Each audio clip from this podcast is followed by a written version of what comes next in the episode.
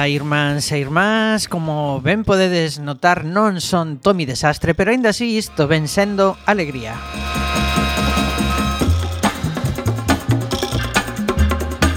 Estamos a 23 de febreiro de 2022 e hoxe temos un programa interesante. A ver, por lo menos interesante para nós, xa sabemos, xa veremos se para vos tamén.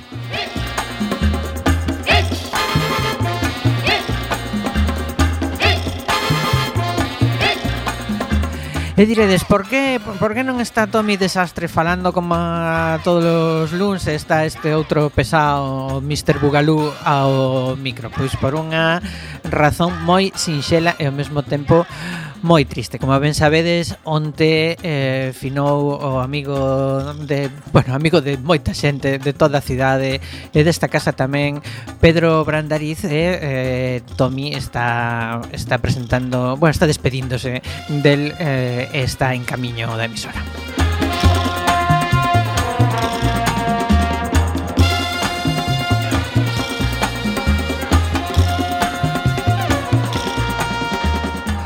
Día horrible o de onte pola perda de Pedro e de outra xente tamén. Levamos unha rachiña que xa nos vale, pero seguramente eh, non nos deixaría o noso máis querido payaso nos de, non nos deixaría estar tristes nin hoxe nin ningún outro día. Eh, imos comezar o programa cunha canción pois un pouco que eso, que celebra a, a vida, isto que tanto lle gustaba ao noso querido amigo Pedro Brandariz e que supoño que, que é o que temos que facer todas e eh, todos. Vai por Pedro, vai por todos os que oímos votar moitísimo de menos no que queda.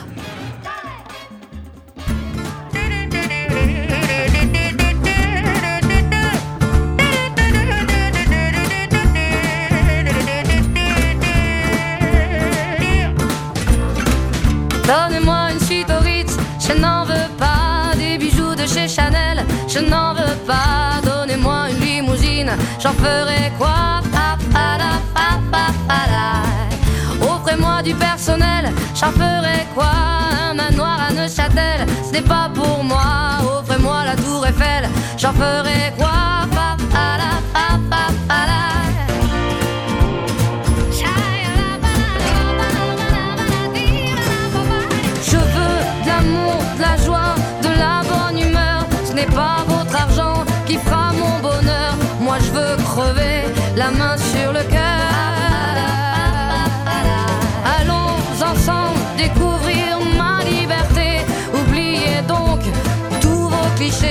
Bienvenue dans ma réalité.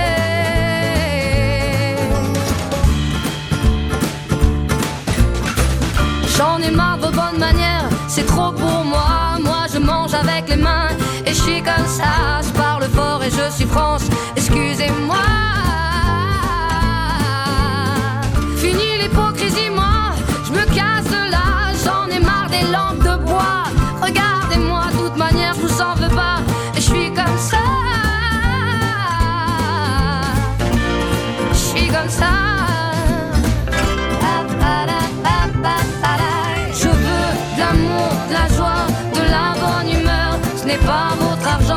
fera mon bonheur. Moi je veux crever la main sur le cœur. Allons ensemble découvrir ma liberté. Oubliez donc tous vos clichés. Bienvenue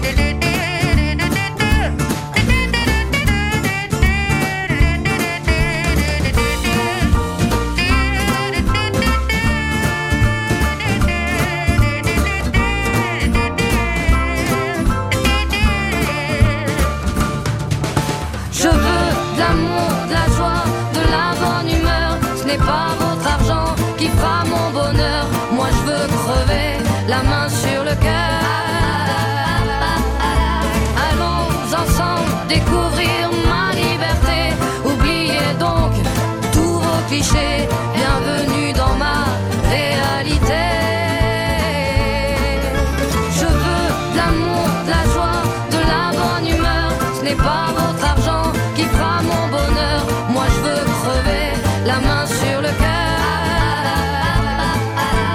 Allons ensemble découvrir ma liberté. Oubliez donc tous vos clichés.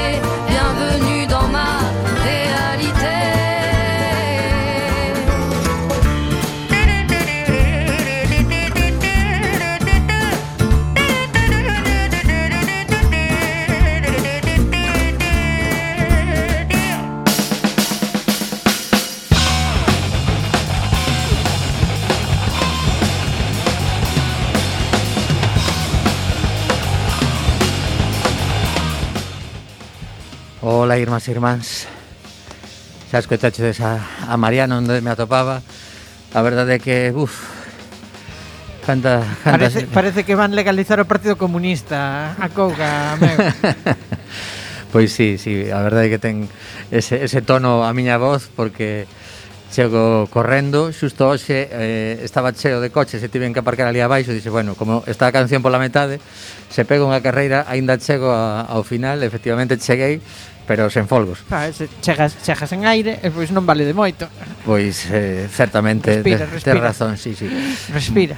Pois nada, dicía que que vimos eh, do tanatorio de despedir a, a Pedro, ese amigo de todo o mundo, un momento moi complicado, eh, e precisamente Eli, a súa compañeira de, de Dinamo, de, de batallas e de vida, díxome, íamos ir, tiñamos as entradas mercadas para nada que ver, e Pedro non se atopaba ben, e decidimos quedar na casa. E bueno, so, o, o, que, o que se me ocorreu nese momento, dixe, bueno, pois, pues, mandaremos o, para que podas ver o vídeo un día con calma, cando queiras, con quen queiras. Bueno, a verdade é que estaba ali un montón de, de xente coñecida nesta casa, moita, moita presencia cuáquera no tanatorio agora mesmo para quen queira asistir está no tanatorio San Javier en, en Almeiras, o Burgo e mañá ás 4 e media é o enterro en, en Ordes que a súa familia é de Ordes. Eh, bueno, pois xa, xa dixo maneiro todo o que había que dicir ao respecto de, de Pedro Brandariz. Así que imos eh, continuar co programa. A vida desta, desta forma así tan de sorpresa en sorpresa, pois continúa. Bueno, tampouco hai moita pri, moita presa. A mí hai unha cousa que me, que me, que me pon moi nervioso últimamente nestas situacións cando hai unha perda así, que como que é un moito da cultura das redes sociais, non que de, bueno, ánimo. Non, ánimo non, compas, a ver, eh, estas cousas hai nas que procesar, hai nas que pasar, eh, hai un período de de do que non é non é agradable, pero que é sano pasalo, eh? Entón, en, bueno, estos imos estar fastidiados unha tempada, pero grande porque o, o burato que deixa Pedro é grande, eh, eh bueno, pero pero é, é o natural, é o sano e o bo. O de andar xa xa estamos, xa estamos ben. Non, non, non, non. No, ao final, ao final iso, iso acaba sendo peor. Entón, Sí, de feito esta, esta noite eu teño previsto aínda a, a, neste momento, non sei que farei logo, pero neste momento aínda teño previsto eh, porque foi algo que me que me propuxen, eh, non sei se eu diría aquí en, en directo que volvía a Impro ao Garufa uh -huh. os mércores eh, e antes de que rematara o, o mes de febreiro quería chegarme por ali eh, e precisamente dixo Víctor Grande que hoxe el non participaba directamente pero que tamén vai a estar no Garufa para quen queira chegarse hoxe ás nove e media pois hai impro de novo no, no Garufa, que era unha das cousas que lle gustaba facer a Pedro, era habitual no, no a ver, bar. que non lle gustaba facer a Pedro? tamén é certo, tamén é certo. Era un home feliz. Calquera cousa en riba dun escenario, veña. Incluso detrás dunha cámara, agora mesmo está, nomi oh. está nominado a mellor actor sí. no, nos Mestre Mateo. Eh, bueno, Eu creo que vai ser un, un día tamén emocionante os, mm. os Mestre Mateo e aínda non, non pudemos ver a película Jacinto, pero está levando premios por aí adiante, o sea que... Bueno, Bueno, que, pues, de que queres falar? Pois pues mira, traio aquí un, un pupurri de cousas, por porque, suposto. Porque hoxe, hoxe o Congreso viña... Sí, que de feito, mira, eh, non, non sei exactamente en que orden eh, ir desenvolvendo todas as novas, que eh, se derivan do, do lío que teñen montado no Partido pues Popular. Pois moi sinxelo, Tomás. Comeza polo principio e rematas polo final. Bueno, sí. o, o principio parte dunha... Bueno, seguramente hai máis, ¿no? Pero parte dunha eh, compra de millón e medio de euros en mascarillas e a partir de aí ven un lío considerable que se arrastra durante bastante tempo e... Eh, Agora mesmo o Partido Popular parece que todo o mundo está mirando a, o presidente da Xunta de Galicia como a posible solución a ese lío e eh, traio varias novas relacionadas. Bueno, posiblemente eh, o señor Feijóo sexa a persoa indicada para para a tarefa porque é a persoa seguramente de máis consenso no, no Partido Popular agora mesmo, senón, que, senón pode ser, aínda que polo que se puido ver nas últimas nos últimos días os consensos no no Partido Popular varían de bando a unhas velocidades de vertixe. Por exemplo, a ver, ti que, que estiveses aí seguindo o tema seguramente nos podes dicir Quen pega o bandazo así, un bandazo gordo, gordo. Todo o mundo de uns bandazos gordísimos. Ah, así. Todo o mundo, todo o mundo estaba con casado o Benres e, e hoxe que é martes, pois está máis máis só que a unha, non? Marchou, marchou completamente só. Eu bueno, recomendo... houbo tres tres persoas que saíron con el do Congreso dos Deputados cando rematou a súa intervención de despedida e saíron eso, en concreto tres, unha, unha muller e dous homes. A min a min chama moita atención as últimas verbas aí de Pablo Casado como voceiro do Partido Popular que bueno, que está está en Twitter tamén, este que di, "Entiendo la política desde el respeto a los adversarios, non, o sea, ou non o demostrou, non?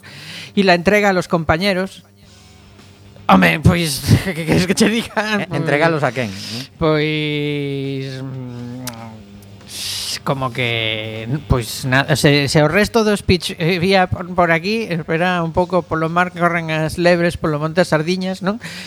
A ver, eh, que que non pode ser. Eh, agora este, este, hai xente que se estrana os, os poucos leais que lle teñen que lle que han acasado, estranalles que que A ver, que mm, o ensañamento, digamos, o sea, porque isto o, sea, o, o foi un apuñalamento colectivo de bastante consideración, e se sorprenden. Eh, a ver, moitas moitas amizades non deixou, nin, nin sei que no seu lado non as, non as ten, non? Pero na oposición tampouco, quero dicir, non tendeu a man en ningún momento, non foi responsable, non, o sea, é un liderado para esquecer, claramente.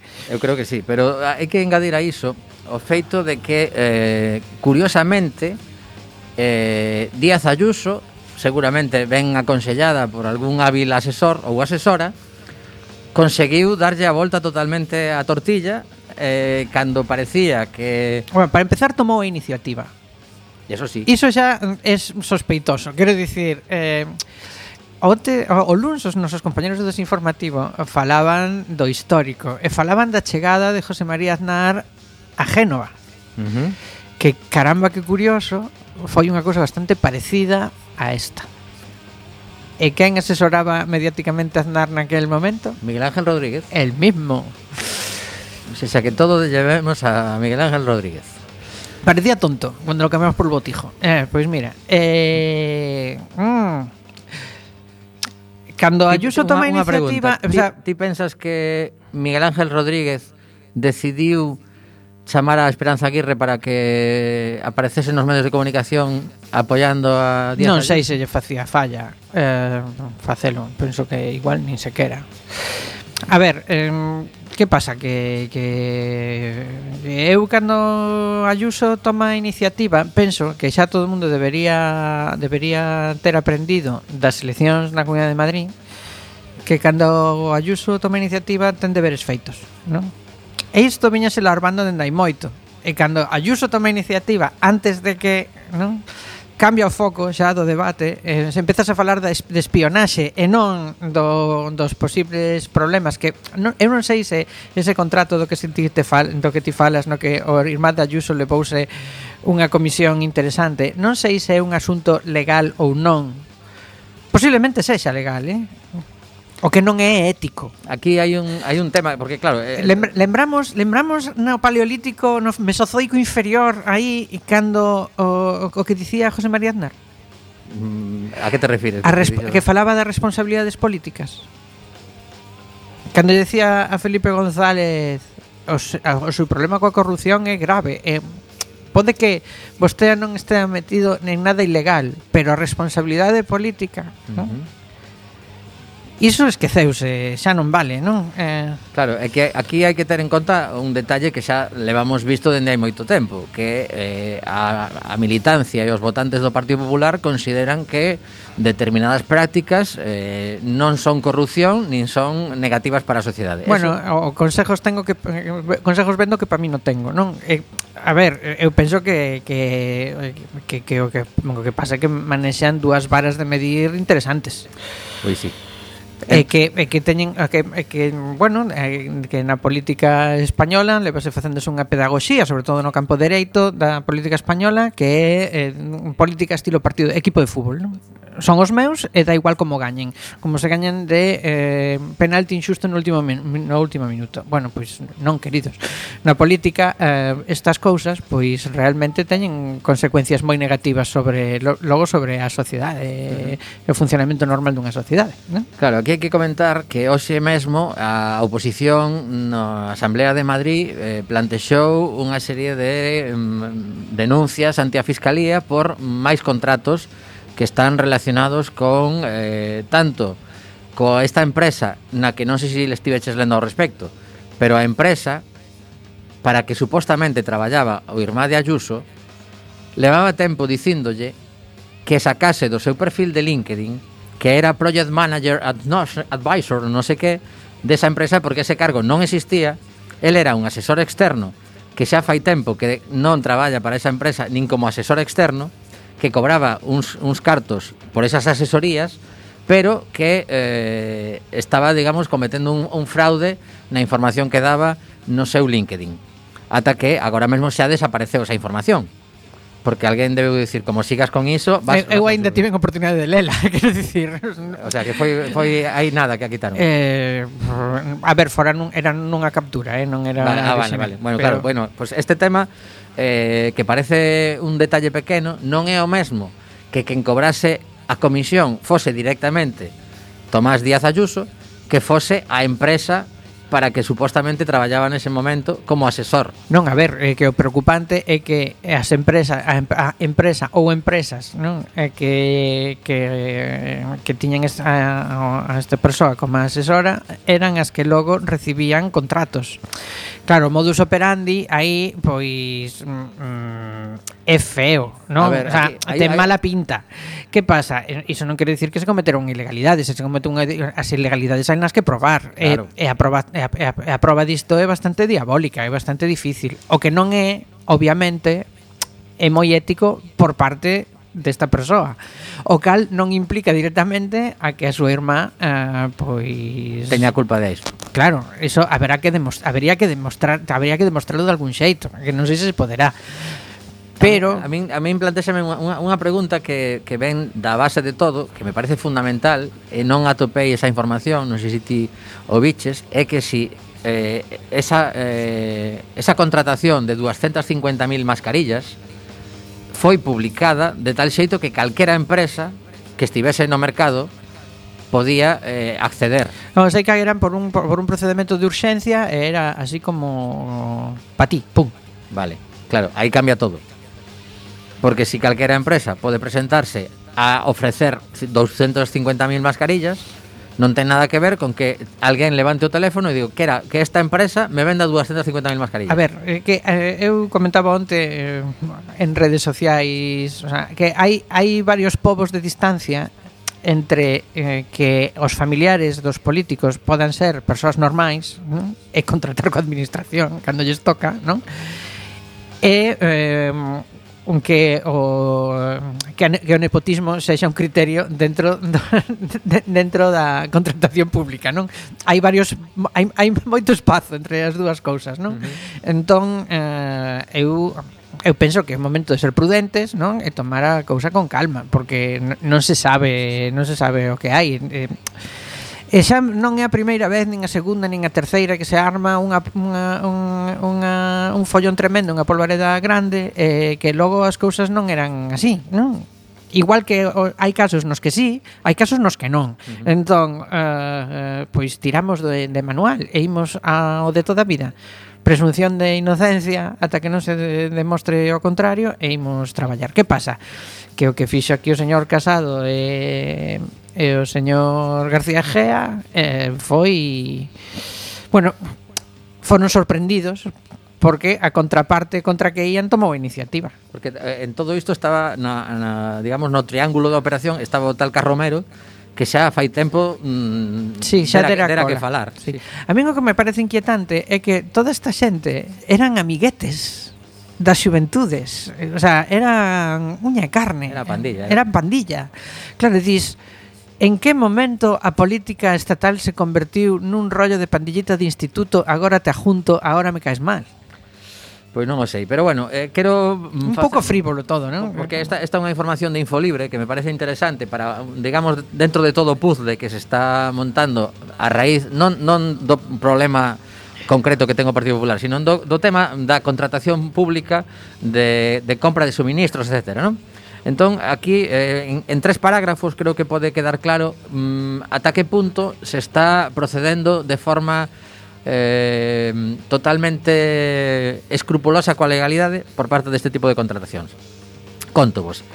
Eh, a la vista de lo sucedido alrededor del contrato de Privet Sportif, que é a empresa mm, deste amigo, o que vendeu as mascarillas famosas, non o irmán, o amigo do irmán, vale?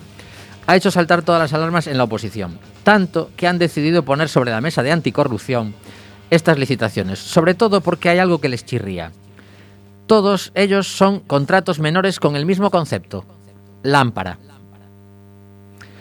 En tres casos ponen de relieve las cuantías son exactamente iguales, 9.554,16 euros. En otros dos sucede lo mismo, pero con un desembolso un poco más elevado, 11.942,70. Claro, el concepto lámpara, por 9.000 y pico euros, habría mucho que rascar ahí. Pero continúo. Hay incluso licitaciones con el mismo objeto, la misma entidad adjudicataria, que es el Hospital Ramón y Cajal, y con un solo día de separación entre ambos. Esto es lo que hace sospechar a la oposición que se están dividiendo los contratos para que sean menores y no tenga que sacarse a licitación. que ten toda pinta, claro. Bien. Continuamos. Apuntan desde Unidas Podemos por cuantías inferiores al límite legal para tramitar la adjudicación con publicidad y concurrencia, que, en nuestra humilde opinión, existe un fraccionamiento de contratos en favor de la empresa Artesolar Iluminación S.A., que es a quien asesoraba el hermano de Ayuso, que recibía contratos a dedo porque estaban por, por debajo del límite, como vamos de comentar, en la que de manera casual o no casual trabaja el hermano de la presidenta de la comunidad.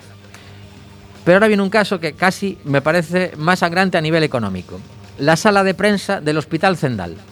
Atento. El escrito de la formación liderada por Mónica García no se queda ahí. El partido también pone sobre la mesa la contratación alrededor del Hospital de Emergencias Enfermera Isabel Zendal, que costó tres veces más de lo previsto inicialmente y que funciona a golpe de emergencia un año después de su puesta en funcionamiento. Entón é máis Madrid, non, non podemos, Sí, es que, es que los dos han hecho eh, Ah, vale. sus denuncias y el, el artículo habla sobre las diversas A denuncias. saco que hay. Paco, O sea, empezaron a rascar ahí. y- y- ¡Festa! claro, exacto, y se han puesto de acuerdo pa- para salir en la foto juntos diciendo aquí hay mucho que rascar. ¿vale? Más Madrid sitúa el foco sobre el suministro de equipamiento para la sala de prensa, que costó al Ejecutivo madrileño 369.759 euros y cuyo contrato fue adjudicado a El Corte Inglés. Y lo hacen al entender que se han podido producir sobrecostes en el marco de la licitación con el albarán sobre la mano. En todos los comillas, en todos los costes son mucho más elevados en el contrato adjudicado que la compra minorista vía página web del adjudicatario apunta el partido de la, de- en la ampliación de esta denuncia. En este sentido, ponen el foco sobre el concepto monitor video wall 55 pulgadas, facturado en 4.358 euros y comprobado en la, en la página web del corte inglés que el precio de los monitores de 3.000, perdón, de 55 pulgadas varían entre 3.199 y 2.209 euros con 15 cuando a la, al- a la Comunidad de Madrid se le facturan 4.358. ¿Por qué? Habría que preguntar al corte inglés. Otra partida que en nuestra humilde opinión presenta sobrecostes en es la relativa al montaje de dicha sala de prensa, la cual dentro del Albarán se ha valorado en 40.206,28 euros y 6.000 se- en la partida de material audiovisual. Montarle el, el equipo audiovisual ha costado 40.000 euros y eh, en la partida de iluminación ha costado 6.000 euros. En total, 46.278. Teniendo en cuenta que el coste por horas del salario medio español es 24.395,98, dividido entre las eh, 1.800 horas laborales, el coste hora sería 13,55 y cogiendo los 46.000 y pico euros, sale que se han destinado, atención Mariano, que llama un poco la atención, 3.414,37 horas de trabajo para montar el equipo audiovisual y la iluminación de la sala de prensa, no de todo el hospital, de la sala de prensa del hospital Isabel Zendal. Van siendo semanas eso, eh? 3.414 horas de trabajo. Cualquier técnico a lo mejor se acerca hasta allí, ve los equipos que hay y puede calcular aproximadamente si mm, hacen falta 3.400 horas de trabajo para llevarse a cabo las instalaciones. Bueno, Aquí sigue el PSOE, también mete, mete baza en esta denuncia y habla sobre, mm, bueno, ya no me voy a extender más sobre esto. Bueno, no, a ver, eh, es- creo que era, era interesante comentar estas cosas porque es dinero público. Hay que mirarlo, eso, claro. Está, está moi claro. Que, que pasa? Yo tengo... A ver que volvo galego. Eu teño as miñas dúbidas despois do, claro, despois do, do visto coas concentracións en fronte de Xénova en apoio a Isabel Díaz Ayuso. Eu teño as miñas dúbidas de que aínda que fose mm, algo mal feito, non? es, iso tivese algunha ah, non, ah, a, consecuencia. A, eu non conf... a, a, Díaz Ayuso eu eh, xa non confío, eu non confío que que eh, que un caso de corrupción eh, afecte demasiado a intención de voto da na dereita. Sin, lamento moito ter que dicilo, eh? Outra, pero co, outra cousa que nisso. algúns cambien de partido Aburrido das líos internos deste Bueno, pero que, que os outros aínda non pescaron nada E teñen tamén unha recua de escándalos Non, quero dicir um, Na esquerda máis complicado, eh? Porque, porque se penaliza bastante máis O sea, penalízanse cousas que non son ilegais Como comprarse un chalé Imagínate eh, Imagínate mm, facer algo ilícito, non? Bueno, de feito, xa que hai algún goberno por problemas de corrupción, non? Eh, de, supostamente de esquerdas. Entón, eh, bueno, eh, non sei, eh, Outro día, ademais, saía o dato da, da cantidade que eh, en España se se perdía por cuestión por cuestións de de, de corrupción estimado por non sei se por, por, por, por los subinspectores de, de Facenda, unha cousa un, ou de técnicos de Facenda, non? Uh -huh. eh, era un número caramba, asustaba. Daba medo, non sei se eran 80.000 millóns de bueno, euros, claro. Eh, bueno, como broma xa está ben, non?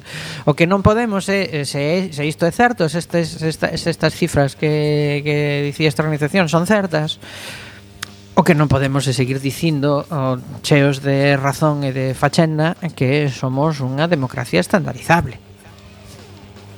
Que non, non é verdade. Eh, non podemos dicir que a nosa democracia é tan, está tan evoluída como as as como as máis eh, avanzadas do continente. Non, non se pode dicir, porque mm. neses sitios non pasa iso, eh. E cando pillan alguén por un tema de corrupción, montase a de San Quintín. Eh, eleva un castigo electoral severísimo. Aquí non pasa. Eu penso que xa abonda tam tamén de votar de culpos políticos, eh? Hombre, está Porque claro. os políticos non se votan a si sí mesmos digo eu que en algún momento a cidadanía española Votar se votan, pero conta un voto. Claro, pero digo eu que, que, que non se elixen ese mesmos, polo menos. Claro. Non, digo eu que chegará un momento no que no que a cidadanía española tamén tenemos que mirar para nós e dicir, hostias, eh, compañeiros, con ciudadanos. Ou, ou trincades todos os que votades iso, deses 80.000 millóns, entón di, bueno, pois pues como me beneficia a min, Pois entón voto, porque estou dentro dos 80.000. Non, eu xa vou un pouco fartiño desto de, es que los políticos son todos iguales, es que los políticos non sei... Non, mira, o que son, igual a ver se si, a ver se si os que imos ser todos iguais somos os outros, non? Eh, uf, dame un pouco de de, de eh, igual perdín a fe ou algo, non? Pode de, ser. en que a xente é boa ou o que sexa, pero mm, rechíname bastante. Bueno, imos comentar eh, un detalle que ven como derivado de todo isto, é moi probable que eh, Núñez Feijó asuma a dirección do partido, que sexa quen, quen leve as riendas de forma visible, pero aquí Praza.gal plantéxase unha pregunta importante, que é que sucede se si dimite como presidente da Xunta de Galicia? Unha liada, digamos, a... Aquí o que, o que sucede é o seguinte, que durante a, a, o, o seguinte a súa eh, renuncia como presidente da Xunta é que todo o seu goberno queda disolto. O seguinte paso é que entran en funcións ese mesmo goberno mentras non hai un novo goberno. E no prazo dun mes, o Parlamento de Galicia ten que escoller novo goberno. Pero hai unha condición moi importante. Como é o Parlamento que escolle a ese goberno, ten que ser deputada ou deputado a persoa que goberne Galicia, que sexa o presidente de Galicia nos vindeiros tempos, salvo que convoquen eleccións. Non non acontece así en toda en todos os en todos os casos, non? Pero neste caso é no, o Estatuto de Galicia, Pero claro, no noso Estatuto de Autonomía é condición sine qua non, non? Agora mesmo no goberno de Galicia só hai dúas persoas que son deputados, non? Porque tipo de ser conselleiro sen ser deputado. Correcto. Bueno, sen ser eh, parlamentario galego, vamos, uh -huh. para para sí. falar con propiedade. Correcto. Pero pero temos Alfonso Rueda e Francisco Conde. Claro. Son as únicas dúas opcións dentro do goberno. Eso non quere dicir que fora do goberno de Núñez Feijóo Efectivamente. Ah, Allá... Dentro, dentro do arco parlamentario, que son 45, se si non me equivoco, na actualidade, haxa algunha persoa que claro. eh, poda ocupar que poda ocupar ese non espazo. ten, non ten que ser eh, do, do goberno actual eso é certo claro. eu de feito penso que, que mm, é plausible que que se, que sexa unha terceira persoa se si fan esa xogada e non convocan eleccións a ver, non penso que vayan convocar eleccións eu creo que tampouco porque aínda queda tempo para rematar a legislatura e eh, teñen unha maioría acaban de a, ampla. acaban de gañar pois con claridade e e eu entendo que que seguirán. Pero ti pensas que vai a tentar compatibilizar ser presidente da Xunta de Galicia con esta, A min pareceríame esta... unha temeridade. Pero pode ser, pode ser. A ver, se, se é a presidencia dunha xestora ata o Congreso, pois mm, sen fallo. A cuestión é que vai pasar nese congreso. Xa. Eu penso que a, o, o, o problema, a, bueno, agora entramos nun interregno, non? Hoxe dixo Pedro Sánchez que non ia adiantar eleccións. Mm, eu penso que un xesto loable, non? Pero Non sei se, se acontecese ao revés se pasaría iso, non? Tampouco. Pero, bueno, tampouco hai que especular ao respecto Eh, eu penso que o problema grande que ten o Partido Popular é que teñen que escoller eh, teñen que escoller un líder para que, e que ten que, e que, ten, que teña que rearmar o partido de aquí a lo. Eu penso que Díaz Ayuso non por máis que, que eu penso que, que a xente que apoia uh, o que quere e que se xa ela, eu penso que sería uh, Pois Casado, Pablo Casado 2, non? Unha cousa así de calentón, non? De no momento escollemos a, a porque foi cabalo gañador. Eu primeiro, eu penso que non ten o tirón que que moita xente cree que ten, polo menos fora de Madrid. Penso que igual que levanta simpatías en algúns sitios, levanta unhas antipatías tremendas noutros, entón non sei, non estou seguro. Sí que penso que podería ser eficaz para quitarlle cota electoral a Vox Díaz Ayuso, pero pero mm, penso que con iso seguramente mm, estarían máis lonxe da presidencia, non? E, dende ese punto de vista, a aposta máis segura a, agora mesmo Pois eh, penso que Núñez Feijó Pero entón, aí sí que eh, se, se Núñez Feijó eh, acaba sendo o presidente do partido xa tas vindeiras eleccións despois do Congreso eh, eh, eh, se considera que vai ser o candidato a Xerais pois eh, aí sí que me parece imposible que que poda quedar en ese caso a miña aposta é Diego Calvo Ajá. Vale. Eu diría que... Diego Calvo é parlamentario agora sí. Vale. Era o número 2 da no, penso que non renunciou, era o eh, número 2 da lista. Eu, eh, eu 2000. para, para, para ter aquí unha porra doble, eu sería Pedro Puy. Mm, si, si, a ver, se, se dependese de min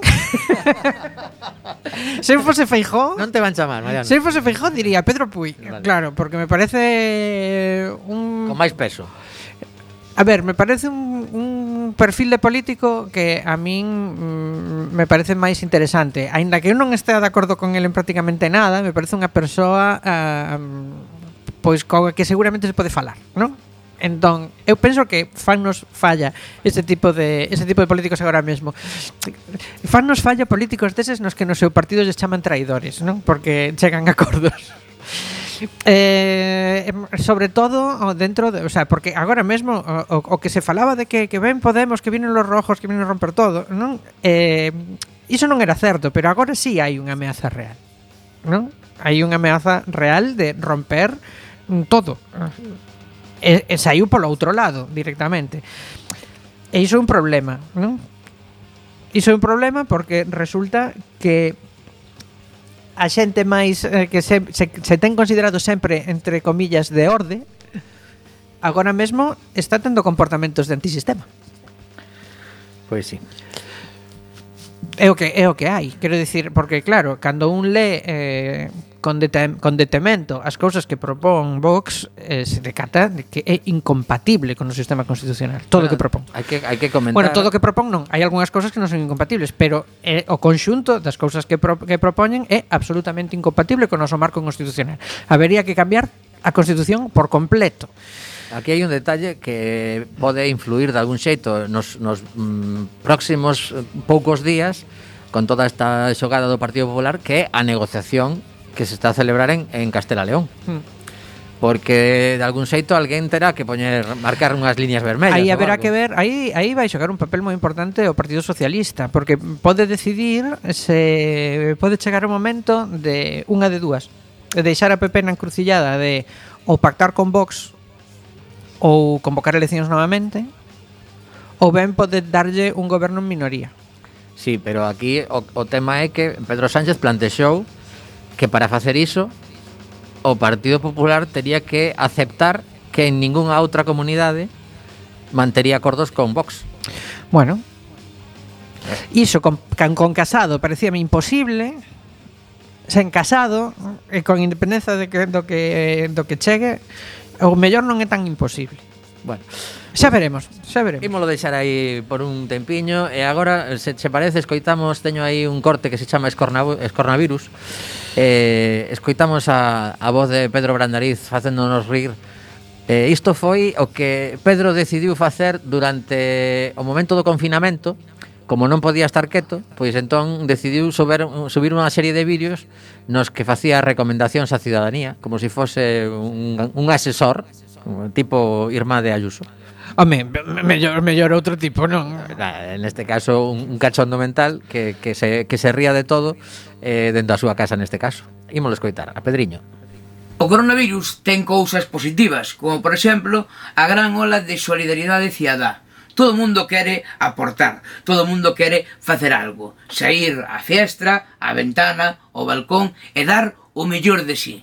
Pero xa é suficiente, xa chegou, porque hai xente que Hai xente cantando Ola don Pepito, Ola don José. Hai xente tocando Paquito Chocolatero. Hai xente exercendo de DJ, si, sí, máis DJs, o que nos facía falta. Hai xente xogando o bingo. Hai xente dando clases de aeróbic. Hai xente eh, xogando o veo veo. Por favor, eh, imos cambiar isto. Imos cambiar o de aportar por apartar. Así que apartádevos da fiestra, apartádevos da ventana, apartádevos do balcón e quedade na casa tranquiliños. E máis, eu vou propoñer o cancelo, eu quedo na casa, pero vou no completar. Eu quedo na casa sen dar a brasa. Home, por favor. Este era un, un analista mm, da vida moi importante. Sí, bueno, pero que tamén que dixera el quedar na casa e non facer nada, el, non? Xa, xa. Bueno, neste caso, claro, como, como se, se, se estaba indo a pinza a xente, pues claro. Sí, bueno, pero tiña razón, eh? Sí, Era un pouco deixados profesionais. Oh. Pois sí.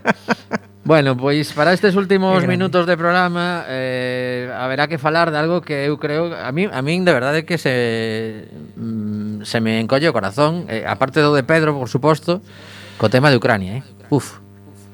Porque isto isto é inminente. Acojona, eh, imos, verdad que sí. Moitísimo, moitísimo, pero dunha forma que temos a guerra en Europa outra vez. Eh, non sei ata que punto eh, as, as sancións económicas que aprobaron hoxe na a Unión Europea eh, van a facer que Putin se replantexe algo. Nin de coña Ou va a cabrear máis? Ne coña, a ver, eu penso que se que se Putin se con, se conforma co, co con esas dúas repúblicas. Xa podemos tirar foguetes, eh? pero mm, ata que punto a, a xente dali está disposta a decir, bueno, vale, esta para ti. Bueno, mm, que, que outras opcións ten?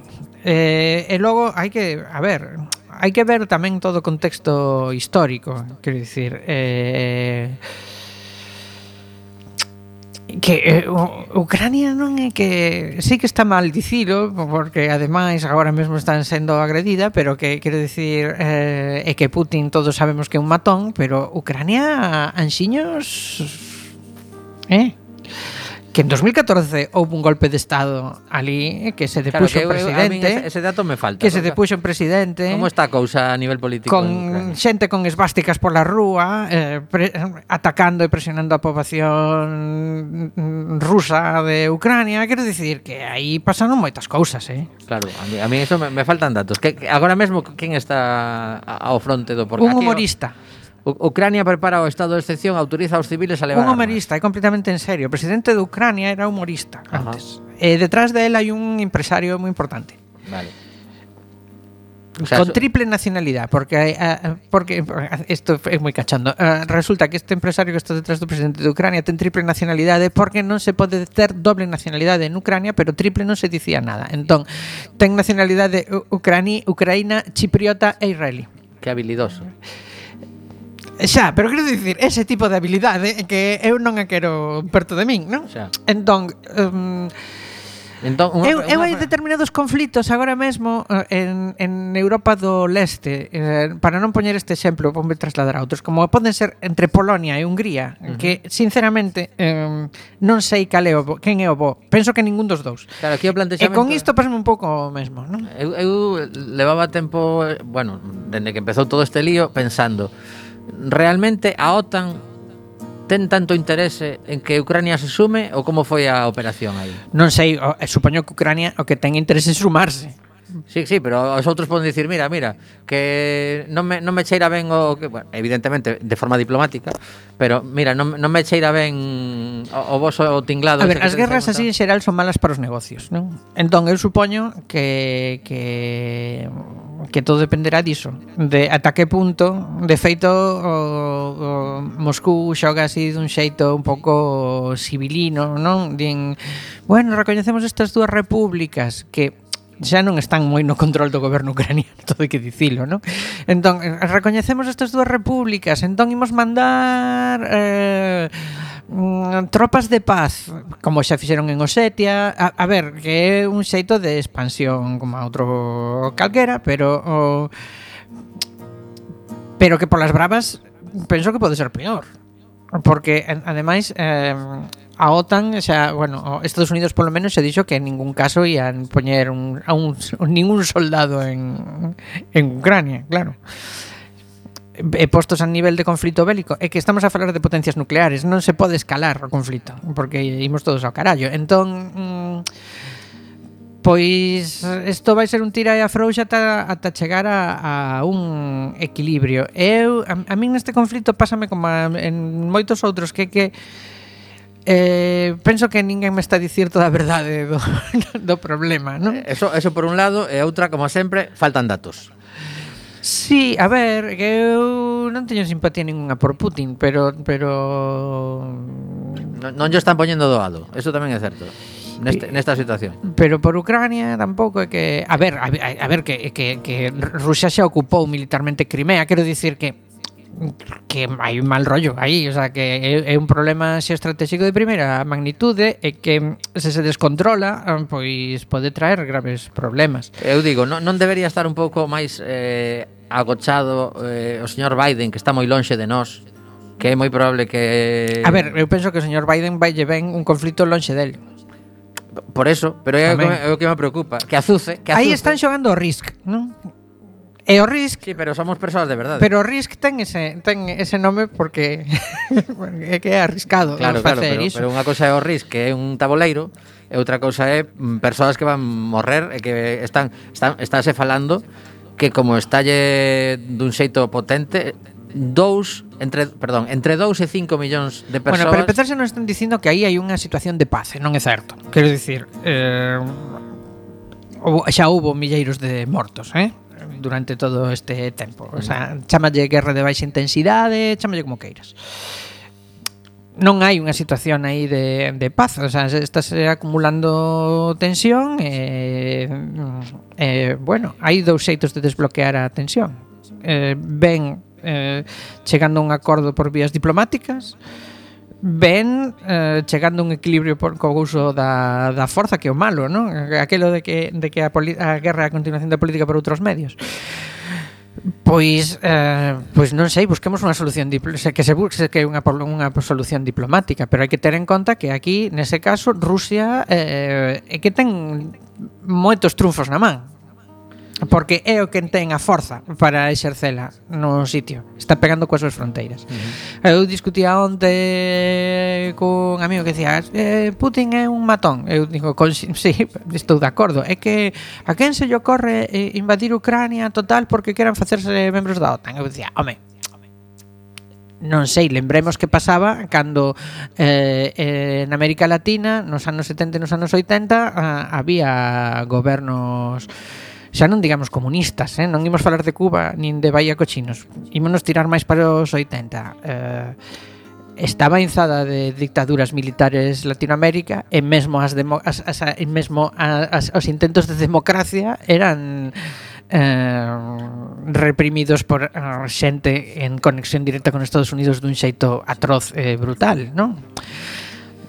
Digamos que as superpotencias non lles gusta um, ter os seus adversarios eh, enredando nos seus patios traseros, non? O no que les consideran como os patios traseros. Eh, eh, bueno, pois eu penso que aí tamén hai que ser un pouco ecuánimes, non? Quero dicir, eh, Rusia unha democracia estándar? Para min non, o sea, en absoluto. É Putin unha persoa eh, mm, loable ou decente ou mínimamente pasable? Para min tampouco, pero que está facendo? Está defendendo os seus intereses, non? Cando fan outros, pois non sei, o sea, somos tan críticos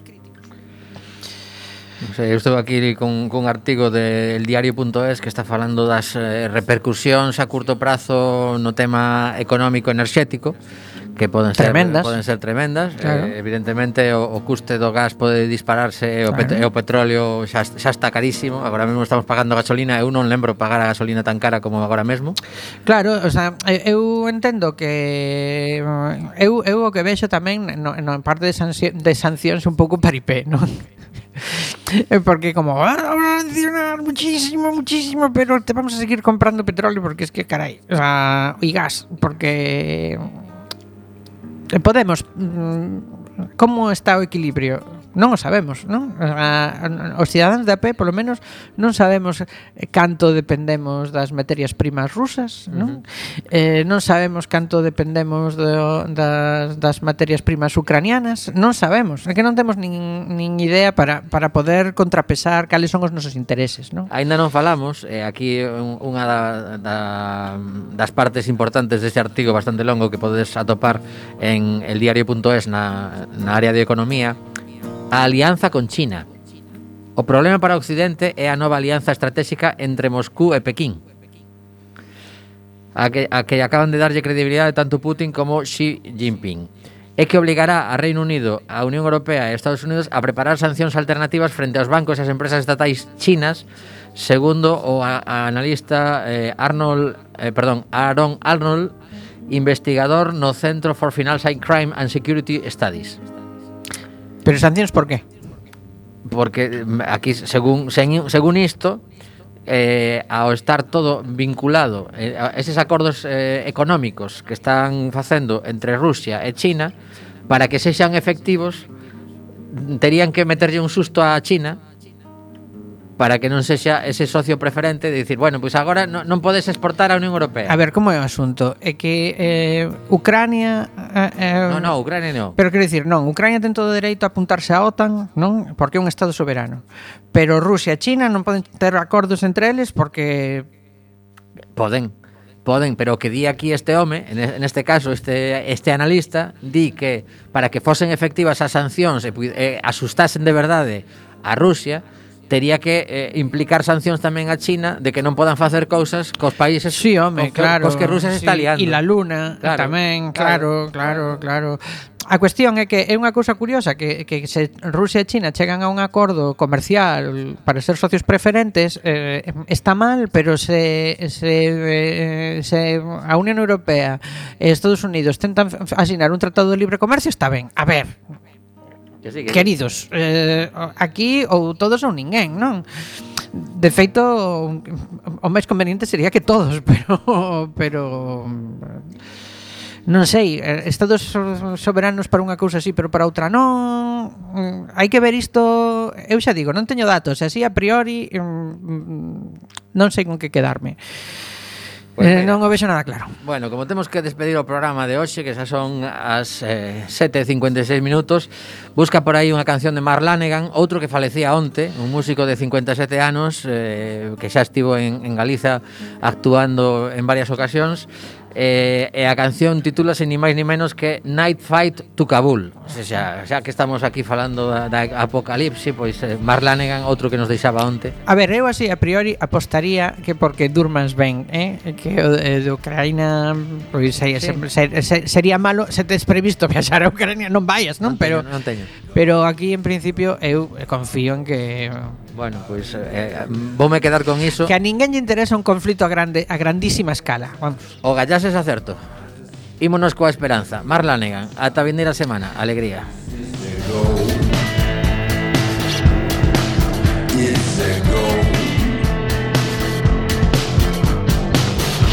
I was there